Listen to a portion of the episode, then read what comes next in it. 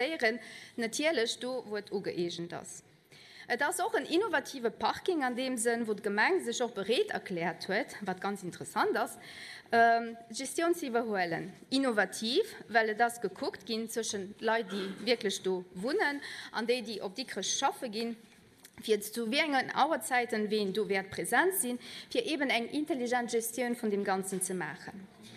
Wie schon vier gesagt, Ziel vom Gesetzesprojekt ist der Regierung zu ermöglichen, sich und Finanzierungsprojekt finanziell zu beteiligen, für eben abordable Wohnungen können zu bauen.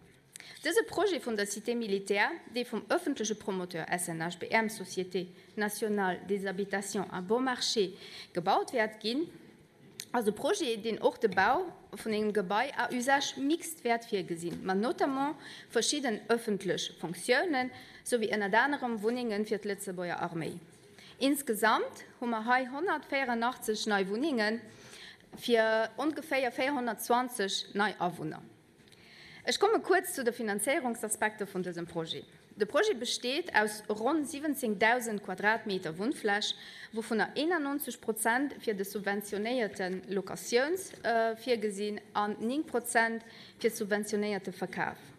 Subventioniert oder eben nicht subventioniert Wohnungen werden in den Reihe von identischen Konditionen erleihen. Einerseits muss der Käfer ein Maximum vom Abkommens respektieren. Die betroffene Wohnungen gehen man den Amphitheos von 90 Joer verkauf. Während der Dauer von der Amphitheos wurde die öffentliche Hand zu allem Moment Rekafrecht op den Wohningen an ähm, ja, dat wären, dat wären sech die drei wichtigsten Konditionen.